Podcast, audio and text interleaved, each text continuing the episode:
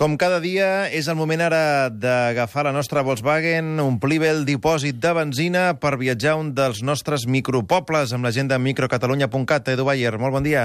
Molt bon dia. Avui, el municipi de menys de 500 habitants que ens toca visitar és Vallfogona del Ripollès.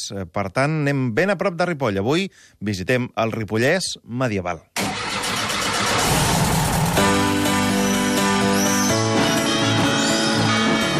Viatgem per la microcatalunya.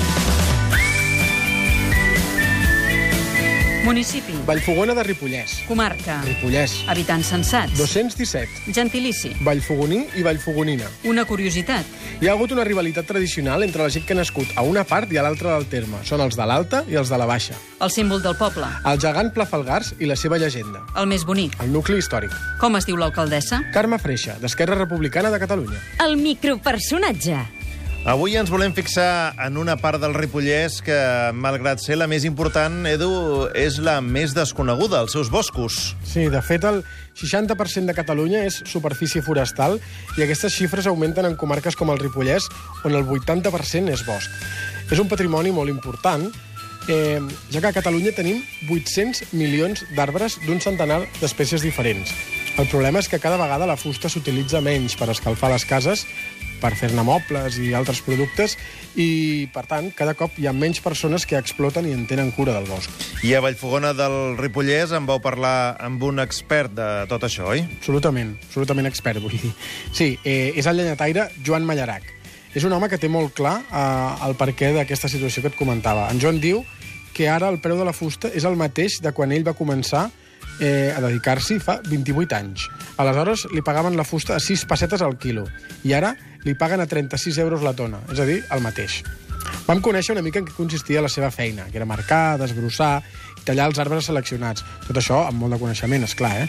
I, i, i també vam, vam, poder conèixer la seva passió perquè els boscos siguin sostenibles, que segons ell vol dir que hi hagi gent que en pugui viure i que, per tant, es mantinguin els boscos nets. Important que els boscos estiguin nets eh, i sobretot en aquesta època de l'any que estem on si, si cala foc, el fet que hi hagi tota aquesta pinassa o altra mm, diguéssim, restes de, de Sí. naturals, fins i tot Sotabosc, el verdi- sotabosc, verdisses, doncs, també els diuen a llocs.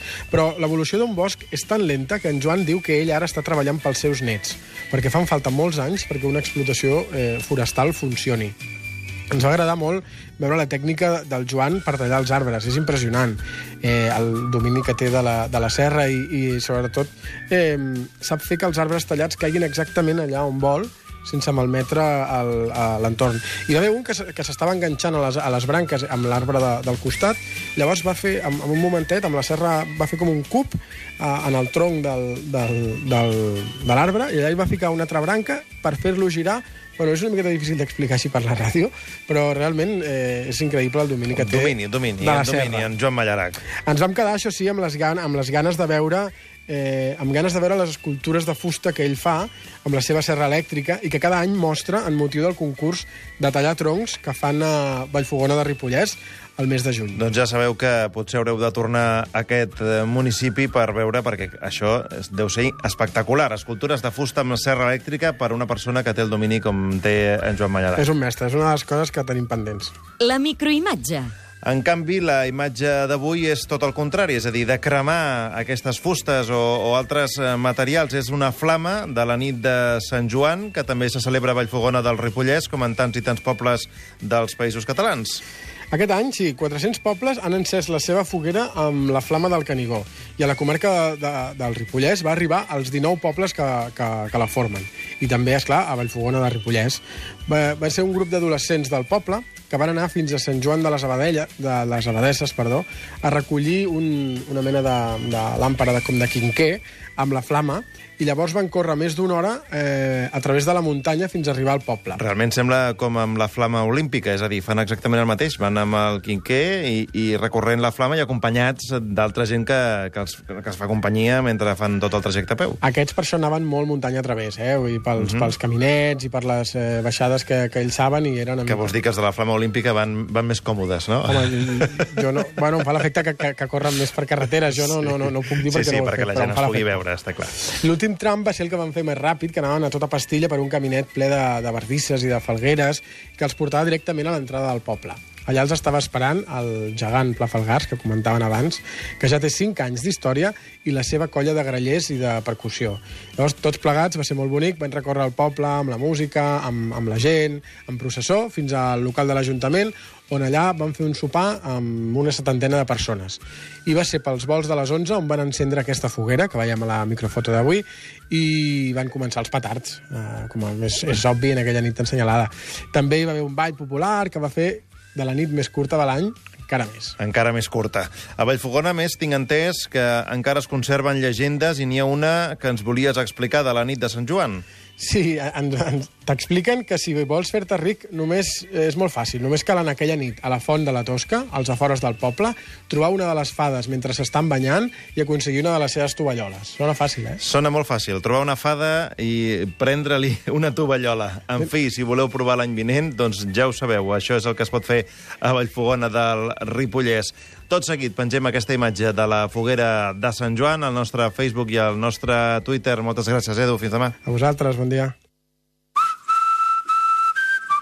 El microcatalà.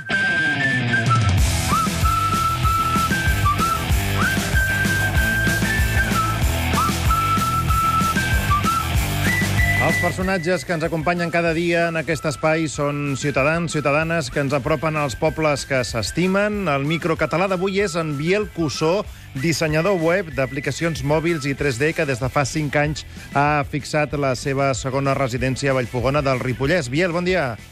Hola, bon dia. Per què vas escollir Vallfogona del Ripollès? Uh, doncs mira, després d'estar un parell d'anys uh, buscant una masia o alguna casa així de pagès uh, per tot Catalunya, al final vam tenir la sort de, de trobar una casa aquí, que era um, d'un amic de la infantesa, la seva família va reformar un paller, i nosaltres estem aquí ara, encantats de la vida. I suposo que a qui més eh, li agrada eh, deu ser el teu fill, no? Que deu passar uns estius eh, increïbles aquí. Sí, i tant, perquè justament fa cinc anys que hi venim, ell avui mateix fa cinc anys, Ah, doncs felicitats. Ah, moltes gràcies. I sí, sí, ell per ell Vallfogona és, és el paradís, sempre està demanant de venir aquí i s'ho passa pipa, clar. I tant. Què ens recomanes tu si venim a, al poble? Alguna excursió, per exemple? Sí, a veure, nosaltres som, som d'estar poc al poble, de veritat. I si t'he de recomanar alguna cosa jo, serà una excursió. Tot i que el poble eh, té molt d'interès, o sigui, a nivell, a nivell, com que és un poble medieval que, que encara manté molt del, dels seus, dels seus eh, edificis originals, eh, clar, és molt bonic i per passejar-s'hi te l'acabes molt ràpid, però ostres, és, és, és molt bonic de veure. I d'excursions aquí, potser les més típiques són eh, pujar fins al castell de Milany, eh, que de fet és l'origen del poble, perquè els, eh, els que habitaven els, els senyors del castell, quan van decidir abandonar-lo i baixar fins a, fins a Vallfogona, quan encara no, hi, no existia el poble, van muntar aquí un altre castell al voltant del qual eh, és on es va, es va construir el poble, que és una excursió molt bonica, arribar-hi fins allà, i si no, doncs, pels voltants hi ha, hi ha moltes excursionetes petites que la majoria que passen al costat del riu i que és molt, molt agradable, la veritat, i si vas amb crius, doncs encara més, perquè s'ho passa amb pipa. Uh, tu, Biel, a més a més, eh, ets escriptor i tens en marxa una trilogia, Mindra, eh, que has escrit en aquest poble. Sí, la major part de, del, del, de la història està escrita aquí, eh, perquè bueno, és un lloc que a mi com a mínim és molt inspirador, la veritat. Perquè a més a més eh, és una història on es dona molta importància al que és, és la natura, el, els arbres, eh, bueno, tota la natura en general, i clar, aquí obres la finestra i el que et trobes és, és bueno, és perfecte per inspirar-se per una cosa així, la veritat. I a més, com, com que t'agrada la literatura fantàstica, doncs eh, suposo que aquí també trobes bones llegendes eh, per poder-te inspirar, no? Sí, exacte, i tant, i tant. Això, això és una cosa que, mira, després de, de cinc anys gairebé que estem aquí, m'hi he posat una mica a investigar fa poquet. I la veritat és que em vaig animar a escriure una cosa basat en una, en una llegenda d'aquí, i la cosa no sé si acabarà quallant, però ostres, és molt interessant, de veritat, treballar amb això. Una llegenda al voltant d'un drac que hi havia al poble fa uns quants centenars d'anys, em comentava l'Edu. Sí, bueno, era, o sigui, això era una llegenda que s'explicava. L'origen de la llegenda és, és, de, és de fa 5 o 6 segles, poder. Sí? I llavors jo el que he fet és reescriure la llegenda d'un drac que, que vi- vivia al coll de Canes, que és un coll que està anant cap a, cap a Olot, i el que he fet és agafar aquesta llegenda i, i una mica eh, contextualitzar-la en el moment que justament van fer el trasllat. Els senyors del Castell de Milany van baixar fins aquí eh, on és ara Vallfogona, i llavors una mica per, per tenir una mica de tema històric també barrejat, doncs m'ho vaig fer venir bé, i home, és curiós, és curiós, la veritat és que m'ho he passat molt bé. Eh, tu deies que és un poble medieval, Vallfogona, eh, també suposo que tranquil habitualment, o ara a l'estiu, quan veniu els de Barcelona, eh, trenqueu amb aquesta tranquil·litat eh, habitual del poble? Sí, es trenca una miqueta. El que passa que aquest any, aquest any no, aquest, aquest any, igual que de la resta de Catalunya, la cosa ha baixat molt. I es nota, es nota. Es nota perquè eh, vas pel poble i fins i tot hi ha estones en ple estiu que no et trobes a ningú. Bueno, ara mateix jo estic caminant per aquí, no hi ha ningú, però perquè està plovent, eh? Però sí, sí, aquest any ha estat fluixeta la cosa. Tu, que habitualment vius a Gràcia, diguéssim, en una vila dins d'una gran ciutat, eh, no, no et planteges que algun dia puguis eh, fer el salt i ja instal·lar-te per sempre a Vallfogona del Ripollès? A veure, jo, jo, jo per mi ho faria ja. El que passa que jo, eh, la meva feina m'ho permet. Llavors, a nivell familiar, la cosa és més complicada. I a més el nen va a una escola que ja ens agrada, i, si- o sigui, és que aquest tipus de canvis, bueno, s'ha d'estar molt segur d'això. Per tant, ho veus complicat, de moment. O, però, bueno, per exemple, quan et jubilis, no? Ah, bueno, potser Encara queda lluny. Espero, espero no haver d'esperar tant, però, però sí, sí, no, tard o d'hora, jo ja ho firmo, i tant. A més, digues, digues.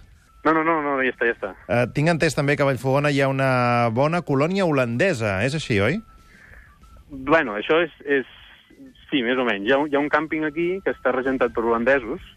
És un càmping que no està ben bé al poble, està um, una mica aïllat, enmig del bosc. I, clar, el, el públic que hi va allà són bàsicament holandesos. Llavors, el, aquests holandesos venen a fer vida al poble, perquè les instal·lacions del poble, tot i ser un poble molt petitó, eh, són bestials, o sigui, tenen dues pistes de tennis, una piscina, una, una pista poliesportiva, un camp de futbol d'herba natural, i clar, els holandesos cada dia fan l'excursió fins aquí, tenen a jugar el que sigui i després se'n tornen al càmping. Què passa? Que, com t'he dit abans, com que aquest any eh, la cosa ha baixat moltíssim, no n'hem vist ni un d'holandès. Ah, sí? Aquest any no. No, aquest any no. Abans l'Edu comentava també que, que hi ha una rivalitat tradicional entre la gent que ha nascut a- en una part o en una altra del terme, o són els de l'alta o els de la baixa. Això ho heu pogut comprovar vosaltres també? No, la veritat és que m'ha agafat per sorpresa, no en tenia ni idea d'això. M'ha fet molta gràcia. Ja, ja ho preguntaré, ja ho preguntaré, quina gràcia. Vosaltres sou els de Barcelona. Sí, nosaltres, bueno, som, som, sí, sí, és així. Molt bé, Biel, doncs moltíssimes gràcies eh, per dibuixar-nos una mica aquesta Vallfogona del Ripollès que hem visitat avui amb els nostres amics de microcatalunya.cat. Molt, molt, molt bon dia. Moltes gràcies a vosaltres. Adéu-siau. Ara.